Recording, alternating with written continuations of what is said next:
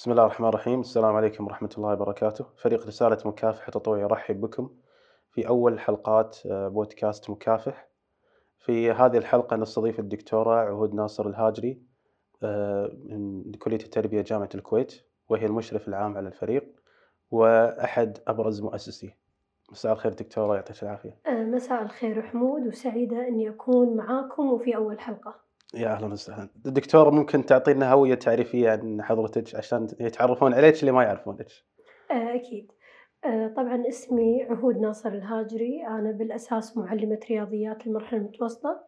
آه، بعدها يعني شغفي التعليمي بازدياد إلين أخذت الماجستير من جامعة الكويت في القيادة التربوية والتخطيط التربوي. بعدها رديت آه، ميدان التعليم مرة أخرى لكن هذه المرة كرئيسة قسم الرياضيات المرحلة المتوسطة. آه، بعد ذلك آه، حالفني الحظ الحمد لله إني التحقت بالدكتوراه لأول مرة في جامعة الخليج العربي في البحرين. درست تقريبا فصل كامل عن تربية الموهوبين. بعدها رزقني رب العالمين بدكتوراه من جامعة الكويت. للدراسة في الولايات المتحدة الأمريكية بتخصص مناهج وطرق تدريس التربية الخاصة وأنا الحين الحمد لله أستاذ مساعد في كلية التربية ما شاء الله عسى الله يوفقك إن شاء الله دكتورة ومنها. للاعلى. شكرا آه، دكتورة إيش معنى اخترتي تخصص الرياضيات وإيش معنى اخترتي اخترتي التخصصات التربوية اللي كملت فيها الدراسات العليا؟ والله هذا من الأسئلة اللي دائما أنسألها آه، بحكم آه، يعني المرحلة الابتدائية والمتوسطة أنا متفوقة جدا جدا في الرياضيات وعاشقة لعالم الأرقام لدرجة إن بعض المرات لما أتكلم مع معلمات المعلمات يعني كانوا يقولوا لي عهود أنت شلون حليتي بالطريقة هذه؟ فنفس ابتكار نظريات والأمور هذه. فالحمد لله الله وفقني وتخصصت بهذا التخصص أشبع عندي حب الأرقام حب المعادلات دائما عندي مهارة حل المشكلات. إن دائما عندي قاعدة إن كل مشكلة لها حل وهذا هذه المتعة اللي أجدها في الرياضيات الأمانة إن كل مشكلة لها حل. طيب ليش ما كملتي على تخصص الرياضيات؟ دام إن هل ما شاء الله الشغف والتعمق في هذا العلم؟ وهذا بعد سؤال ذكي يا حمود. آه للأمانة آه بحكم أيضا آه من مهاراتي الشخصية اللي هي القيادة وإداء والإدارة بشكل عام حبيت إن يعني أخرج خارج نطاق آه مادة الرياضيات وإني أكتشف آه أمور أخرى وأصقلها في شخصيتي. آه فكان هناك تخصص آه القيادة التربوية والتخطيط التربوي والحمد لله آه يعني درست فيه في جامعة الكويت ويعني مع نخبة من آه الدكاترة والأساتذة. آه وتخرجت الحمد لله يعني بامتياز بمرتبة الشرف وكان وقتها آه عن الاعتماد الأكاديمي لكليات إعداد المعلم. وجدير بالذكر هني إني أوجه تحية لمشرفي وأستاذي آه البروفيسور جاسم الحمدان آه الموجه الأول لي في هذا الشأن. نوجه له تحية الدكتور جاسم وأكيد له طلبة حتى معانا من أعضاء الفريق يعني ومن واستفادوا منها الشيء الكثير. نعم غني عن التعريف. الله يوفقك إن شاء الله ويوفقك دكتورة. شكرا. دكتورة أنت طبعا اشتهرتي في جامعة الكويت منذ أن تعينتي في 2019 في اهتمامك بقضايا الأشخاص من ذوي الاعاقه وبرزتي بهالمجال أكثر من أساتذتنا زملائك أعضاء الهيئة التعليمية في الجامعة. إيش اللي خلاك تتجهين لهالمجال؟ هل في أحد من أفراد أسرتك من ذوي الإعاقة؟ هل صار لك موقف يعني خلاك تلتفتين لهالقضية وهالأفراد؟ شنو بالضبط؟ وين كانت البداية وشلون؟ آه للأمانة حمود آه يمكن آه لما يعني فكرت إني أكمل دراساتي العليا وبالأخص الدكتوراه. آه فكرت آه بالنواحي الثانية وبخبرتي السابقة كمعلمة. وتعرف آه إن كل مراحل حياتي هي اللي وجهت الآن إن ليش أهتم بالتربية الخاصة. آه تدريسي للرياضيات وتعاملي مع آه طلبة من آه مختلف القدرات. يعني هناك طلبة باختلاف قدراتهم ذكاءاتهم واحتياجاتهم. آه كان هاجس في ذهني. شلون أنا كمعلمة أتعامل معاهم؟ ليش ما عندي المادة الفلانية اللي تساعدني؟ شلون أتعامل مع كل طالب وراعي الفروق الفردية وراعي أنماط التعلم اللي عنده؟ آه فكان هذا دائما في بالي. حتى لما آه فكرت أكمل الدكتوراه يمكن فكرت إني أخرج خارج نطاق الإدارة والتخطيط التربوي وأفكر في آه صلب الموضوع إنه شنو يعني تربية خاصة وشنو يعني الفروق الفردية، آآ والحمد لله لقيت آآ هذا الشغف موجود في بعثة مناهج وطرق تدريس التربية الخاصة اللي آه، يعني حالفني الحظ ويعني والله وفقني فيها، وانتظمت في جامعة من أرقى الجامعات الأمريكية اللي هي جامعة إنديانا يونيفرسيتي في مدينة بلومينغتون، تعتبر الآن من الtop 3 على الولايات المتحدة في تدريس آآ طلبة التربية الخاصة. ما شاء الله. أرد على سؤالك يا حمود، ليش هذا التخصص وإذا كان أحد من أفراد عائلتي للأمانة أنا ما عندي أحد من أفراد العائلة من ذوي الإعاقة، لكن أنا أعتقد إن الحب الإنساني لما يكون هناك شغف إني أساعد الآخرين، آآ لما ما أشوف إنه أو إنه أتواصل مع أحد وما ألقاه محتاج، يعني دائمًا كانت عندي فكرة إنه لكل شخص طريقة للتواصل، لكل شخص احتياج ويجب إحنا نراعي هذا الاحتياج، وهذا كان دائمًا الهاجس أيضًا اللي أفكر فيه. ممتاز. آآ شلون وجدتِ تعاون الأشخاص في أفراد المجتمع في الجامعة أو خارج الجامعة لمّا بزغتِ بهالموضوع وظهرتِ فيه وبرزتِ فيه بروز كبير جدًا يعني، هل وجدتِ تعاون؟ هل وجدتِ فيه وعي؟ هل وجدتِ الناس ما عندها وعي لكن عندهم قدرة على تطوير قدراتهم من ناحية الوعي؟ ش ش ش نبي نظرة تفصيلية ل لمّا بدأتِ بهالمجال، شلون كانت البداية؟ نعم. آآ أيضًا حمود يعني لو أقول لك أو ما أخفيك سرًا،. كنت حاطة من ضمن أهدافي أو الهدف الأسمى آآ لي لما أتخرج إنه دائمًا تك تكون قضايا الأشخاص من ذوي الإعاقة والطلبة باختلاف احتياجاتهم هي قضيتي الأولى، فلما تعينت في جامعة الكويت وبوقتها أيام كيفان، أكيد أنت الحين مشتاق حق كيفان،. آآ طبعًا تفاجأت إن إحنا النادي بالدمج لكن آآ بالورق، لكن وين على أرض الواقع؟ آآ هذا اللي ما استوين، آآ دائمًا في مقرراتي كنت أطلب تكليف من الطلبة إن يصورون يعني يلتقطون صور ويذكرون إذا كانت هذه التسهيلات متوفرة والّا لا، يعني مثال بسيط،. آآ لو نفكر بإخواننا من ذوي الإعاقة الحركية اللي يستخدمون الكرسي المتحرك، نعم. فشيء طبيعي إنه يجب أن يوفر لهم المنحدرات أو ال الأماكن الصعود والنزول، إحنا نسميها باللغة الإنجليزية. اهم. آآ للأسف يعني لما غطينا جامعة آه، الكويت في منطقة كيفان وفي بعض منهم غطاه أيضًا في الشويخ. والخالدية، وجدنا هناك يعني قصور كبير في هذه الاحتياجات، وكنت أطلب من الطلبة أقول لهم ضعوا الحلول، مو بس إن تجدون المشكلة بل ضع الحل،. وإذا كانت هناك بعض الأماكن الإيجابية واللي توفر هذا الشيء اذكروا لي المكان، خلونا نستفيد من بعض. آآ طبعًا كنت آه، أوجه التكليف أولًا. أقول لهم صوروا لي بجامعة الكويت، بعدها قمنا نوسع النطاق إلى أن صار في الأماكن العامة، المجمعات التجارية، المطار، المطاعم، المستشفيات، حتى الحدائق العامة. والممشى بشكل عام، وطلعنا بنتائج يعني جدًا مهمة ومقترحات أهم. اهم. شنو أبرز المقترحات اللي طلعتوا فيها من بالاتحاد يعني؟ مثلًا حمود آآ إنه يجب أن تتوفر أماكن الصعود والنزول آآ عند كل باب، وإنك ما تجبر الشخص من ذوي الإعاقة إنه لأ روح للباب الخلفي، طيب لنفرض إن واحد من الأشخاص بالأساس ما عنده إعاقة لكن صارت عنده إعاقة مكتسبة،. آآ انكسرت رجله أو عندنا مثلًا شخص كبير في السن أو مثلًا حتى لو كان عندنا مثلًا نساء أو طالبات اللي بشهور الحمل الأخيرة،. محتاجة لمثل هذا النوع من التسهيلات أيضًا. نعم. آآ الشغلة الثانية بالنسبة حق ال الوسائل التعليمية في القاعات الدراسية، يجب أن تكون متوفرة فيها يعني كل التسهيلات، إن كان من آآ السماعات الصوتية، إن كان من الناطق الصوتي اهم. ل لإخواننا أو الطلبة من فئة الإعاقة البصرية المكفوفين، أيضًا المترجمين للغة الإشارة، أنا دايمًا كنت أتفاجأ لما أروح الكافيتيريا والّا أروح مثلًا الك الكوفي مثلًا أو مراكز التصوير. وأسألهم يعني هل في أحد مُلِم بلغة الإشارة؟ كانوا يقولوا لي لأ، ما طيب يعرفون إيه. لنفرض إن عندي طالب عنده لغة إشارة وحاب يطلب شيء معين وحاب يصور، شلون؟ فهذه كانت يعني من المشكلات. نعم.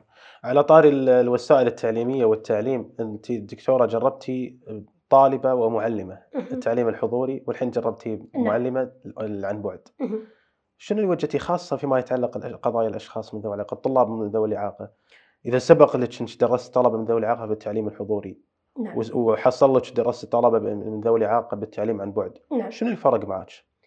آآ والله يا حمود آآ سواء التعليم الحضوري أو التعليم عن بُعد آآ كل منهم له إيجابياته وسلبياته. آآ لنفرض الآن آآ يعني أضرب لك مثال، كن كان عندي واحد من الطلبة من ذوي الإعاقة الحركية أيام ما كنا بالحضور وكنا بالإشدادية يعني الجامعة الجديدة. إيه. آآ كانت القاعة آمم يعني مبنى بإحدى مباني جامعة الكويت آآ في العلوم الإدارية آآ غير مهيئة للأشخاص من ذوي الإعاقة،. يعني مثلًا لا تتوفر أبواب إلكترونية، طيب هذا الشخص مثلًا آآ إعاقته الحركية مثلًا بالإيد وبالرجل كيف يمكن يفتح هذا الباب؟ هذه كانت مشكلة. آآ أيضًا اختيار المكان، يف فرضًا إن هذا الطالب يبي يقعد بالصف الخلفي ما يبي يقعد مثلًا بالصف الأمامي، اهم. ليش أنا أجبره كقاعة إنه ي يجلس مثلًا في الأمام؟ هذه كانت هذه كانت مدرجات قصدِك آآ تقصدين؟ إيه. المدرجات، يعني للأسف حمود يعني كانت بعض الأمور. ال الجميل جدًا بوقتها إنه كنت ألمس آآ المشكلات من الطلبة أنفسهم، يعني كنت أقول له أنت عبّر عن المشكلة يا يعني يا فلان عبّر عن المشكلة، فكان يقول دكتورة مثل ما أنتِ ملاحظة الآن الباب كذا، ال الحركة كانت صعبة علي، لمّا يعني أسوي أمور كانت شوي عنده يعني في صعوبة. اهم. لو ننتقل إلى الأونلاين، يعني أنا أشكرك يا حمود إن أنت كنت من ال الناس آآ أو الطلبة اللي تواصلنا معاهم، إذا تذكر أي أيام نعم. الTeams ولمّا طبقوا أي نعم صح. وأكثر واحد لمس هذه النقطة. إيه. آآ كنت أنا وحابة إني أذكر هني زملائي الدكتور عبد الله الفيلتشاوي من قسم المناهج، وأيضًا زميلتي الدكتورة أبرار العوضي من قسم علم النفس، آآ لمّا فكرنا إن إحنا نلتقي بالطلبة باختلاف إعاقاتهم وكان من ضمنهم آآ فئة الإعاقة البصرية وأنت كنت من ضمنهم حمود، أي نعم صح. وأثريتنا بالحوار إن لمّا قلت. يعني دكتورة الناطق الصوتي في مشكلة بالTeams وهذا اللي نعم. خلانا نعدل على على بعض الأمور ونوجه تعليقات آآ حق المسؤولين عن الTeams في جامعة الكويت. لمّا. تكلمت إن آآ فتحة الميكروفون أو إن ال الوقت اللي تاخذه أنت إنك تشغّل المايك، إن شلون ننبه الدكاترة، بعض الدكاترة للأسف يمكن يعني ما يستوعب إنه في فترة وإن هذا الطالب يعني مُجِد، لكن فترة إنه يضغط على هذا الزر. نعم. آآ إذا تبيني أ أيضًا نتكلم عن الإعاقات الثانية، يعني لنضرب مثال بال فئة الصم والبكم، الإعاقات السمعية. اهم. المشكلة الكبيرة اللي صادفتنا في التعليم عن بُعد اللي هو مترجمي لغة الإشارة، اهم. آآ كانوا يجدون مشكلة من بعض أعضاء هيئة التدريس اللي كانوا يمكن إذا صح التعبير إنه كانوا غير مرحبين ببعض مترجمي لغة الإشارة. ما يسمحون بدخول إيه. إيه. فهذا اللي خلانا بعدين إن إحنا ن ن يعني نتواصل مع هيئة التدريس وننبههم إن احتياج الطالب من فئة الصم والبكم آآ قائم 100% على مترجم لغة الإشارة،. وأن هذا يعني من ضمن اللائحة اللي تنص عليها بعمادة شؤون الطلبة، نعم. إنه ما يصير أنت هيئة التدريس تطرد هذا المترجم أو إنه مثلًا تشكك في مصداقيته. نعم صحيح.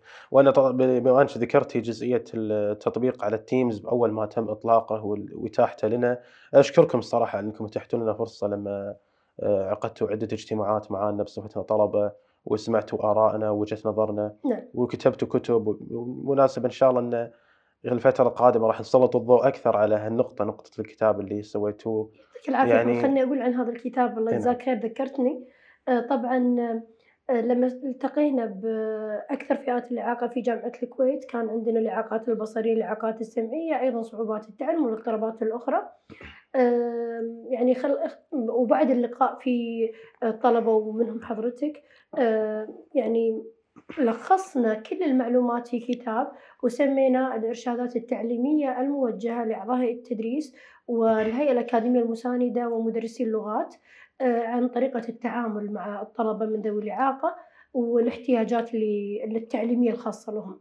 إذا فعلًا نبي نطبق الدمج يجب على كل عضو هيئة تدريس آآ سواء عضو هيئة تدريس أساسي أو هيئة م مساندة أو مدرس لغة أو حتى إدارة إن يطبقون ما جاء في هذا الدليل، وإن شاء الله مثل ما اتفقنا قبل إن تكون لكم السبق إن إحنا نناقش هذا الكتاب. إن شاء الله بإذن الله. أنا أصلًا عندي بعد خطة عندنا إن خلال الفترة القادمة إذا إن شاء الله انجلت الغمة ورجعنا للتعليم الحضوري، نخل نوثق هالشيء كشيء أرشيفي إن من ضمن الله. الأمور اللي صارت أيام كورونا. أكيد. آآ دكتورة بما إن إحنا ذكرنا الكتاب وذكرنا الإرشادات والتوجيهات، ودنا نتطرق لنقطة ال بحكم تجربتِك اللي لها مدة الآن واللي شفتيه، شو أبرز طريقة مناسبة لإيصال الرسالة التوعوية للمجتمع وللمسؤولين عن قضايا الأشخاص من ذوي الإعاقة؟ يعني هل وسائل التواصل الاجتماعي تنفع؟ هل الكتب الرسمية؟ شنو أبرز طريقة وأفضل طريقة توصل هالرسالة وتحل المشكلة؟ آآ أولًا حمود أنا دايمًا يعني أتّبع أيضًا قاعدة في حياتي إني لا أستمع من الآخرين لمّا مثلًا يقولون آآ لا تروحون للجهة الفلانية ترى الجهة الفلانية مثلًا آآ تعاملها كذا وكذا، لأ، أنا أحب أطرق الباب بنفسي، وأقابل المسؤولين وجهًا لوجه هذا رقم 1 آآ نسمع منهم آآ نطرح لهم أفكارنا وقضايانا ومشكلاتنا ونسمع الردود منهم، هذه رقم 1 آآ رقم 2 وسائل التواصل الاجتماعي ومن أهمها يعني من وجهة نظري اللي هو تويتر نعم. يعني تصل القضايا بشكل سريع، تكون ترند بشكل أسرع، وهناك تجاوب كبير.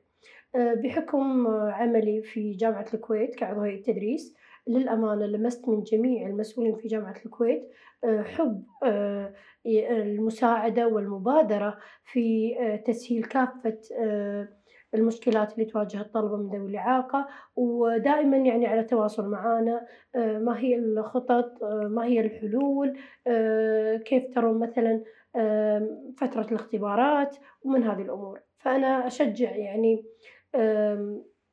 يعني المسؤولين في جامعة الكويت ودائمًا يعني أشكرهم على تواصلهم المستمر. فعلًا يعني جامعة الكويت إحنا وجدناها من خلال تجربتنا البسيطة اللي أقل من تجربتِك أكيد دكتورة، إنها أكثر جهة تتجاوب معانا يعني، نعم. للأسف باقي الجهات يعني تأخّروا نعم، مقارنة في الجامعة. نعم.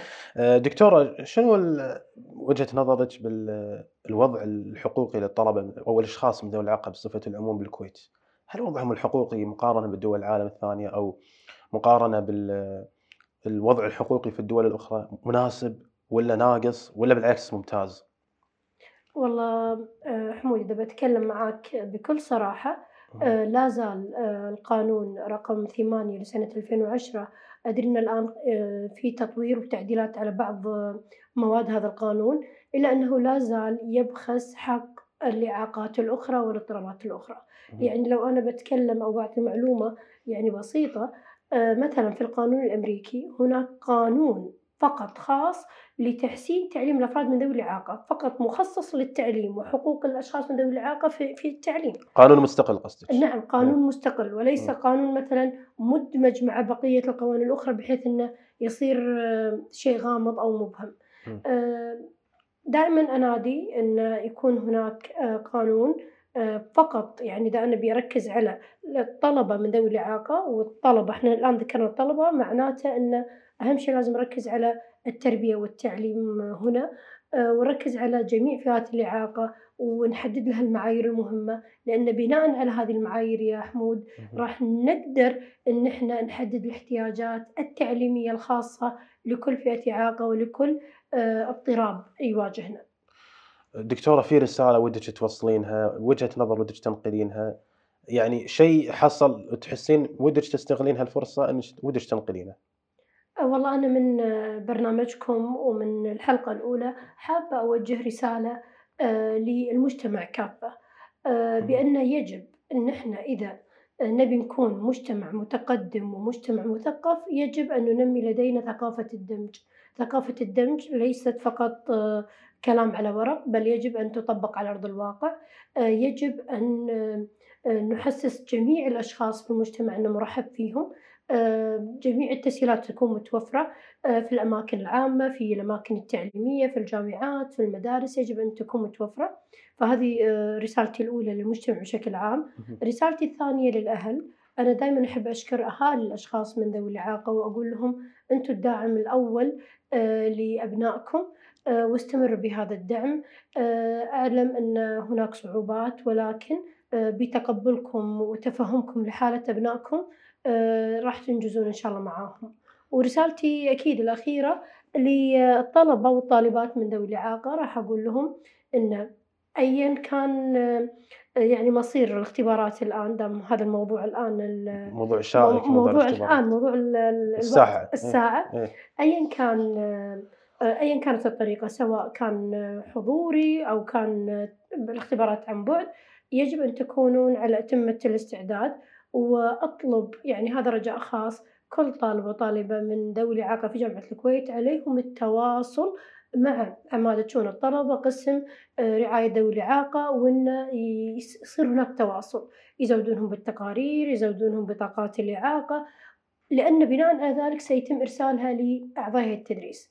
والله للأسف إنه ما في توعية. أنا دائما انبه الطلبة أي طالب ينقبل جامعه الكويت من ذوي الإعاقة دائما انبههم يقول يا شباب لابد انكم تتوجهون لقسم الرعايه الاجتماعية مكتب ذوي الإعاقة وتبطلون عفي ملف عليك يا حمود و- لازم ولازم يبطلون لازم ملف يكون آه، تنبيه مستمر. فهذه اي رسالتي الأولى لهم ومو بس كذي أيضا يتواصلون مع أعضاء هيئة التدريس آه، بنفس الأسلوب الجميل والراقي اللي تعودنا عليه يفهم آه، الدكتور المقرر أنا ترى طالب الفلاني والتقرير إن شاء الله راح يوصل بالوقت الفلاني لكن في البداية يجب أن يعطي نبذة تعريفية عن نفسه وعن إعاقته بحيث أن الدكتور يكون يعني على علم مسبق بذلك.